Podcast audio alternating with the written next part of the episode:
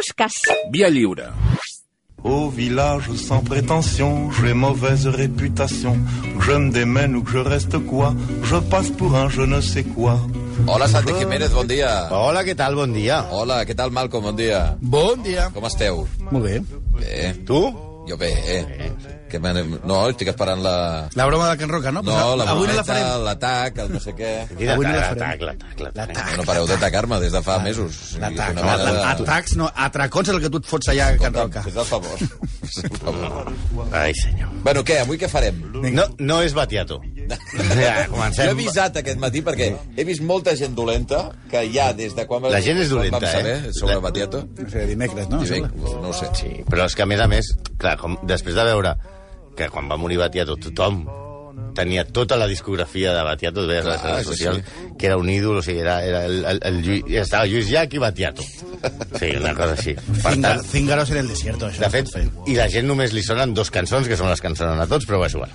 Bueno, Cerca un centro de gravitat permanent. sí. Bueno, jo li over danzare, no sé què Exacte. és. Bueno, és italià, no suahili, com diu la mare de la Però, a veure, però nosaltres tenim un pla que, que, que no es toca, que és un pla quincanal i meditat, quincanal previst. Sí. Les guions estan fets amb un Excel i que ja sabem, de- d'un any endavant ja sabem qui farem. Tot molt rigorós. I avui tocava...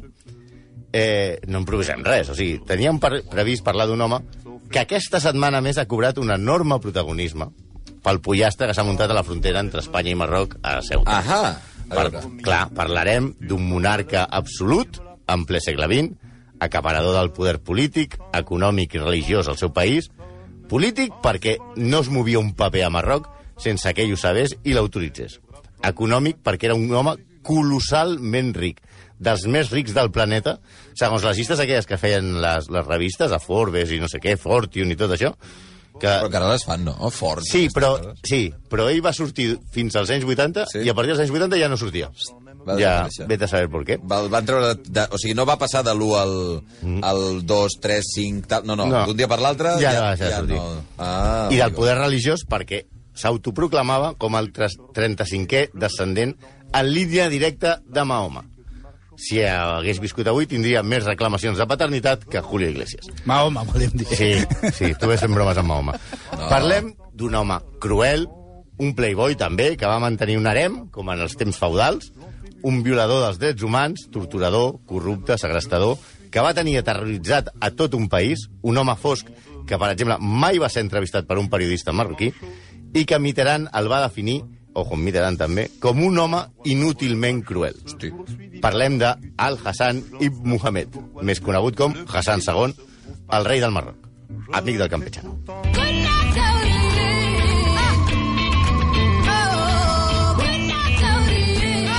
Carai, doncs no sona malament, això. No, no. Home, Mira, és un mite, eh? eh? És un mite, aquesta És, dona. no, i l'hem posat per tocar una mica la pell al nostre protagonista, que segur que no està espiant dels algun lloc, perquè Ahà. aquesta noia es diu, es deia Mariem Hassan, que va ser una de les cantants més compromeses amb la lluita del poble saharaui. Ella és saharaui, és la, que, diguem-ne, la veu del Sahara. I hem posat una cosa bona, perquè aquesta senyora es mereix tot el respecte, perquè va ser ella una de les víctimes del nostre Hassan, el que des de petit el van educar per què? Per ser sultà o rei. Tant és així que el seu pare, que sí que era sultà i després rei, Mohamed V, el va nomenar coronel de l'exèrcit als 7 anys. Hosti, A- boníssim, això, això. això, això és progressar. Sí, no és que... No, Set, tenia 7 anys i sí, era no, coronel. no jugar amb soldadets, ja jugaves amb soldats de veritat. veritat. Que, com Els que, agafava amb les mans, els soldats. Sí, sí. Sí, sí. I tant ell com el seu pare eren ferms partidaris de la independència de Marroc, que era aleshores un protectorat de França, i per això es van haver d'exiliar primer a Còrsega i després a Madagascar. Saps que al principi m'ha semblat eh, que parlaven àrab? Sí, la manera de rapejar m'ha semblat... Era... A veure, mira, mira, goita. Bé, ara que ens hem posat al nivell, ja tirem. Bueno. Durant el protectorat de França sobre el Marroc, sent un nen, acompanyava el seu pare a totes les reunions del, ni del nivell. O sigui, el, el rei eh, Hassan, eh, Mohamed V portava a Hassan II, el seu fill, a totes les reunions, parlés en qui parlés. De fet, com a exemple, amb 14 anys, el 1943, va participar a la conferència de Casablanca organitzada per establir l'estratègia europea a la Segona Guerra Mundial a l'Àfrica. I va seure, amb 14 anys, a la mateixa taula que Roosevelt, Churchill o De Gaulle. Però què dius? I no el van el posar- 7, coronel, i els 14 assegut a la taula Parlant de Churchill. I no el van posar a la taula al costat a menjar macarrons i, i filet empanat. No, no, no. no. Els nens allà. El nen- No, no, ell estava allà, amb, Churchill amb el puro... A la taula dels grans, I, sí, i ella sí. a la taula dels grans. Sí, a l'any 55 els francesos donen la independència plena al Marroc i Mohamed V, el seu pare, passa a ser el rei del Marroc. I ell, Hassan, al 26 passa a ser el rei del Mambo. L'anomenen cap de les forces armades reials i de seguida mostra que el que mana és ell. Ell és el que viatja a visita oficial als Estats Units, a parlar amb Eisenhower... Home, s'ha ell- acostumat a parlar amb gent així. Sí, clar, perquè ja de petit ja estava a la taula, i és el que sufoca cruelment la revolta dels rifenys. I això de sufocar revoltes a sang i foc, ja veurem que se li dona molt bé, és el puto amo, eh? Sí, el 1961 mor el seu pare i ell és proclamat rei, i el que sí era, a més de cruel, com ha explicat el Malcolm quan va eh, a- aixafar re- les revoltes, era un polític realment molt intel·ligent i molt hàbil. Un gran manipulador que de portes en fora, cap a la comunitat internacional, donava la imatge de modern, però de portes endins es va muntar un règim gairebé feudal. L'historiador marroquí Abdallah Laroui explica que, obro cita, amb la seva coronació es van acabar les grans esperances que havien acompanyat la lluita per retorn dels reis exiliats i per la independència. En lloc de la modernització, es va assistir a una tradicionalització en tota regla. Sí, va impulsar un sistema de partits aparentment democràtic, però només per debilitar el partit Istiqual, que era els socialistes. El Parlament no tenia atribucions efectives sense el seu beneplàcit. Mentre garantit, garantitzava l'educació, el dret de treball i a la vaga va muntar una repressió política cruel, al temps que la seva família es convertia en propietària directa de bona part de les terres, les indústries i els recursos d'un país que ja era com la seva finca. Hombre! Bàsicament, ell va gestionar Marroc com els Ewing Dallas! Era, era el Southport de, de Hassan II. Per gestionar aquesta finca... Va fundar- JR. Va, sí, sí, JR i tots els dolents. Sí. Tots junts. Va muntar. ONA. ONA? O-N-A, no la llibreria. Una, són les sigles de Òmnium... És que va, no, perdona, eh? No és, que- no, vull dir, no és per menys tenir la llibreria Ona, que és esplèndida, però he pensat, home, com a... O sigui, un senyor que té tant de poder muntar una llibreria tampoc... Si tu estàs a? Marroc, tot és ONA. Tot és Ona, què vol ONA dir? Ona? vol dir Òmnium Nord-African. Ah. És l'empresa Òmnium? També Òmnium? Sí, també Òmnium, mira. és l'empresa que ho fa tot al Marroc. Òmnium, la llibreria Ona, de veritat, Sí. és aquesta còpia. Seria una mica com Estrella d'Am aquí, però a lo bèstia. Mm. -hmm. És el que ho fa tot. O com la petronera del Zewin, no? Sí. ONA està present a tots els àmbits de la vida econòmica del país. Des dels fosfats, a la banca, passant pels serveis financers, audiovisuals, agroalimentaris, i té pràcticament el monopoli de sectors com el sucre o els productes lactis. I ONA és de, era de Hassan. Molt bé. Sí. convertit en un home, un home, òbviament, com està dient el Santi, immensament ric en un país on la població era pobra, Hassan II tenia més de 20 comptes bancaris, el seu nom o un pseudònim a bancs de tot el món, era un dels principals accionistes de Siemens, del mercat immobiliari de Nova York, de l'agricultura a Califòrnia. Tenia palaus a totes les ciutats del país disposats a rebre'ls 24 hores al dia. Estaven sempre preparats. I fins i tot un de 10.000 metres quadrats amb un eh, jardí de 400 eh, hectàrees a prop de París. I ara, a pels de l'ESO haurien de dir això que se diu sempre que es diu la paraula, paraula hectàrea. Són com 400 camps de futbol. Imagina't. Ah, I a més, eh, una altra font de finançament de, del règim de Hassan, segons l'o- l'opositor, sabem que és un opositor, Abdelumen Diuri, assegurava que durant molts anys un Boeing 747 comunicava setmanalment Casablanca amb Rio de Janeiro. Diu Diuri que sortia buit i tornava amb les bodegues plenes de pasta de coca. I un informe de la Unió Europea, de no fa massa temps, assegurava que els ingressos del cannabis són la primera font de divises del país. Què dius? Tot això mentre que en política exterior Hassan ho brodava. Era un tio molt intel·ligent, ja hem dit. Estava clarament decantat cap als Estats Units.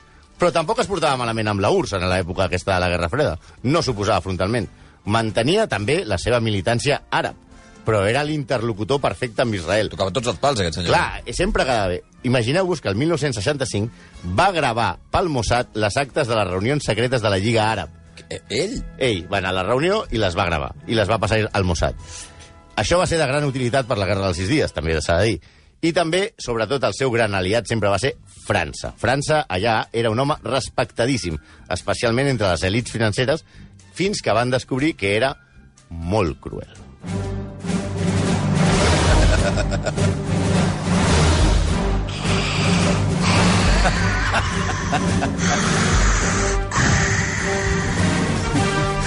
aquesta, aquesta manera de manar, òbviament, va, va aixecar bullofes entre l'oposició, tant política com militar i estudiantil del país. I van començar les manifestacions que van ser dissoltes sense contemplacions. M'ha per agradat molt quan heu fet servir el verb sufocar, que és un verb que es fa servir bàsicament només per... Per, per, per, Per incendis i- i Per incendi i ja jo crec que està en desús en el món de l'incendi. Però és allà... Pam, quan hi ha una rebel·lió, doncs es sufoca. Es sufoca. Sufoca, sí. Aquesta va ser dissolta, també sufocada, Que sense Borges, ja sofoca a la seva, el, el Mariano aquell a, la, a, a, a, les vinyetes. A l'any 65, davant dels aldarulls, una altra paraula que ara, que, que ara està molt cremada Home, sí, darrerament, el d'Arulls. a les ciutats, eh, o sigui, ells bestial, i Hassan II opta per suspendre el Parlament i la Constitució i estableix l'estat d'excepció. Fora caretes.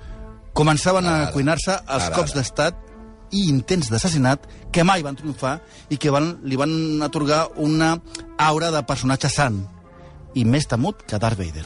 Imagineu-vos, té dos intents d'assassinat que són que surt de miracle. El juliol del 71, mentre se celebraven a Pamplona els Sanfermines, i ell celebrava a lo grande el seu compleanys amb 400 convidats al Palau de Sisrat, el general Mebdú va sitiar el Palau on es feia la festa comandant, comandant una companyia de cadets, pobres xavals que no sabien a què anaven, que van entrar al Palau a sang i foc i van matar a 130 dels 400 convidats que es, pan, es van pensar a l'inici que eren focs artificials per celebrar el, el compleanys. Sí o no? Sí. O sigui, la crònica diu això, Sí, que es sí, van sí. pensar que el so aquest era de... Sí, perquè allò va ser una festa, Festa- de quatre dies en el que hi havia, hi havia de tot, imagineu-vos. Hassan, quan ho va veure, es va amagar amb la seva guàrdia personal a un búnquer del Palau i hores després, quan ja van veure que no se l'havien carregat, va sortir ell a cara descoberta, va mirar els ulls al general Debut i li va recitar un vers del Corà. Aquest es va agenollar, li va besar la mà, es va rendir i després Hassan els va afusellar a tots, cadets inclosos. Sí, això de la mirada i el Corà és una mica versió oficial, eh? Ah, d'acord, ja he pensat, home, és una manera de guanyar una mica... No, això és la, la història una mica oficial pel·liculera, de, no? de, de que ell va sortir i va dir... val. Clar, això- Només això- va dir una frase i es van Perquè- agenollar davant seu. Exacte, ell va tenir aquesta aura de persona, de tenia baraca, que Sí, diuen. això és com quan diuen que Fidel Castro va arribar a una manifestació allà al, eh, a l'Havana i va, va baixar del cotxe i es va dissoldre automàticament Ah, en veure la, clar, la clar, figura. No, això aquesta cosa. Bueno, Sense però parlar. Sense parlar. Sense res. Sense parlar, sense discurs. Però tornem. Pitjor va ser un any després, que és el 16 d'agost de l'any 72, quan sis cases de l'aviació real que escortaven el Boeing on viatjava el rei del Marroc van atacar la nau reial, que sembla que sigui un barco, eh? En plan capítol de 24, mentre es tornava d'un d'un viatge a, a, a París. També també d'aquestes es va salvar, se salva, se, se, es va salvar. Expliquen que el mateix rei, això també forma part de la versió oficial, eh? es va posar al comandament de l'avió Sí, home. Home, va ell era pilot, Hombre, eh? ah, era pilot. Era Sí, pilot. va dir- Formació en tenia. Sí, formació en tenia, sí, era pilot. Sí, com a l'Air Force One, deixa'm a mi, ja ho agafo jo. Home, si als 7 anys era... Aparta't, inútil. Si, si als 7 anys era coronel... Sí, això és a- veritat. a- a- als 10, als 10 era Tom Cruise a Top Gun. I va agafar el, el, el comandament de l'avió i va contactar ell amb els cases d'atacants per ràdio, fent-se passar per un dels revoltats i els hi va dir aturin el foc, el tirar a mort. Això ho va dir ell, No t'ho creguis mai el que diu la ràdio. Sobre ell mateix, eh? sobre ell mateix, el Va tirar. canviar la veu. Aturin, aturin! ¿Quién eres? Soy el mal, soy de los vuestros. La, la, la cosa és que s'ho van creure Mal fet. i a l'aterrar els que van palmar van ser, òbviament, els atacants. La majoria dels conspiradors van ser executats o es van suïcidar a trets a l'esquena en un exercici de contorsionisme que, que encara fa riure els marroquins. Suïcidar-se amb trets a l'esquena és una cosa meravellosa. Això, eh? amb el rock encara t'ho diuen. Ja i va sortir una vegada, diu, no sé qui, coronel tal, es va suïcidar i el tret era per l'esquena. brutal. és brutal. No un càlcul, realment. Una... Home, és difícil. És Sir, Sir di Soleil. Però he de dir que els que no van morir els esperava un destí, diguem-ne, pitjor que la mort, eh? Sí, i potser us penseu que no hi ha res pitjor que la mort. Pregunteu a Marroc per Tasmarmart. No Tasmamat, eh? Tasmamart. T'has mamart. Tasmamart és la, era la presó secreta de Hassan II i el més semblant de l'infern a la Terra. Parlem d'un forat negre al mig de l'Atlas, a la cel, on les cel·les eren cubicles de formigó de 2x3, subterranis i absolutament a les fosques, plenes de rates, escorpins i serps.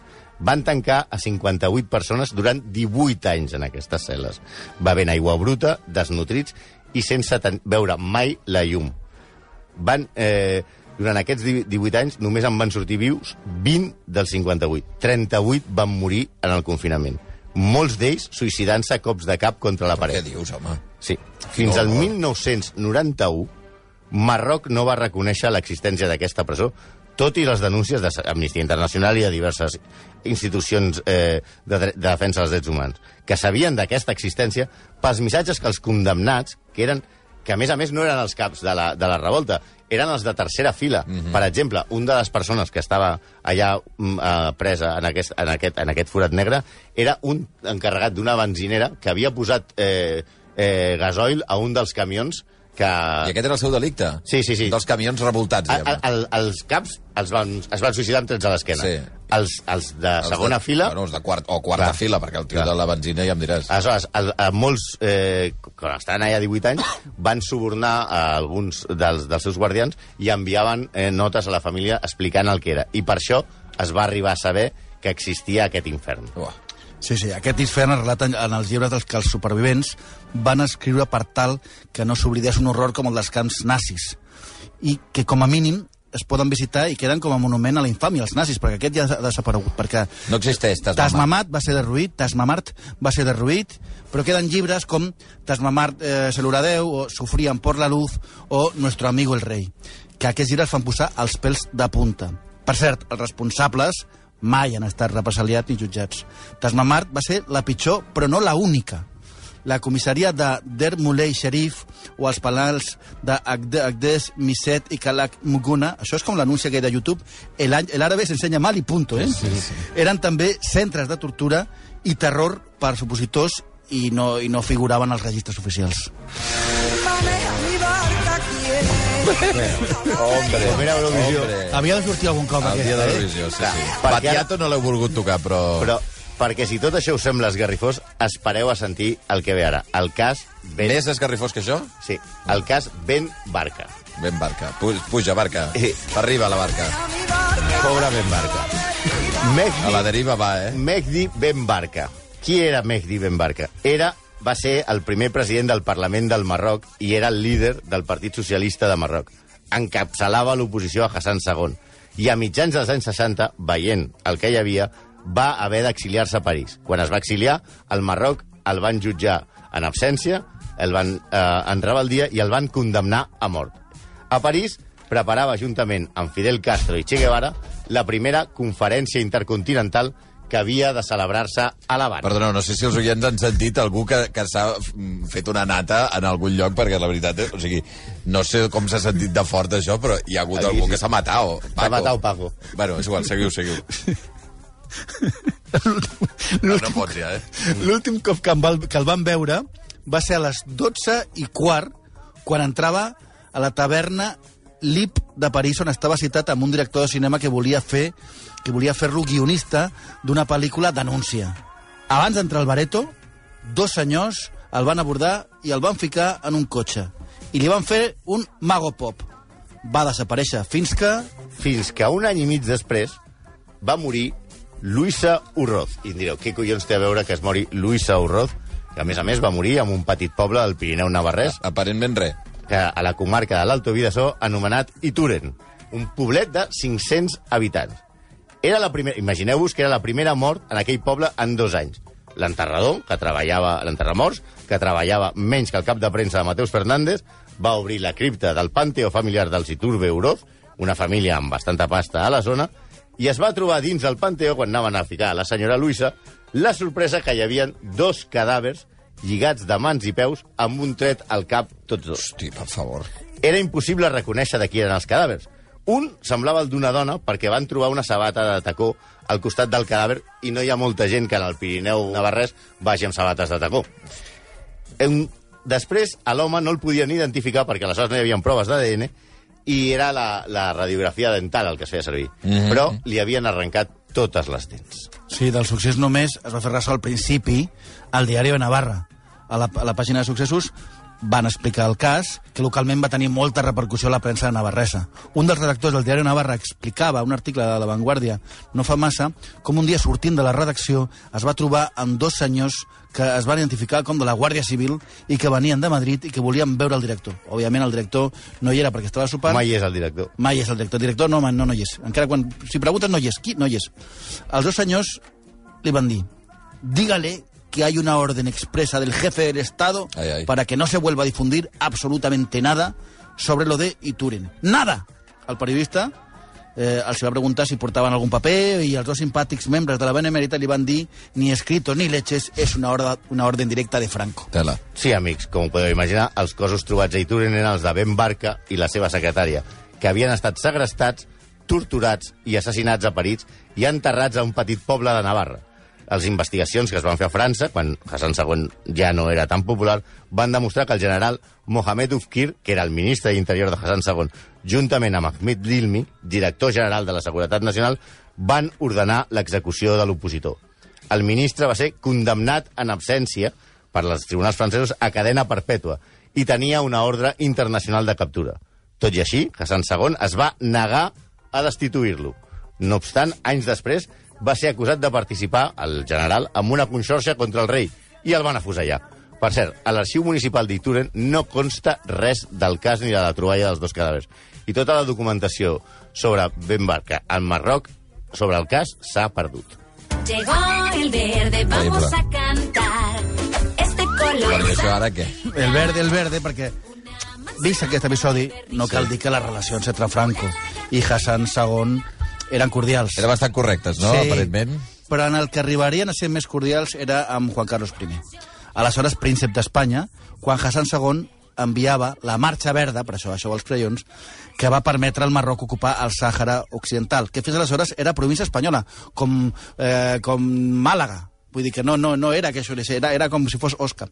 Quan els espanyols van marxar deixant el poble saharaui abandonat absolutament. Sí, perquè tot això va ser un desafiament de Marroc a Espanya quan va impulsar que 350.000 marroquins civils, custodiats també per 25.000 soldats, ocupessin eh, la, la zona del Sàhara Occidental, que de la capital era Alayun. I Alayun era una ciutat espanyola. Mentre portaven la marxa verda, els, els ciutadans portaven banderes de Marroc i d'Estats Units, per si de cas, per deixar clar qui els apoyava. Ah. I tots portaven un exemplar de l'Alcorà enquadernat en verd. Per això se li diu la marxa verda, perquè portaven tots un llibre verd. Tot això era que anava contra la voluntat d'Espanya. Home, és que és el que ens han venut aquí, és mentida. Tot estava pactat, o estava bastant... Eh, Diguem-ne que Juan Carlos, el príncep, ho sabia. Juan Carlos en aquell moment era el cap d'estat en funcions, perquè en aquella època Franco estava agonitzant.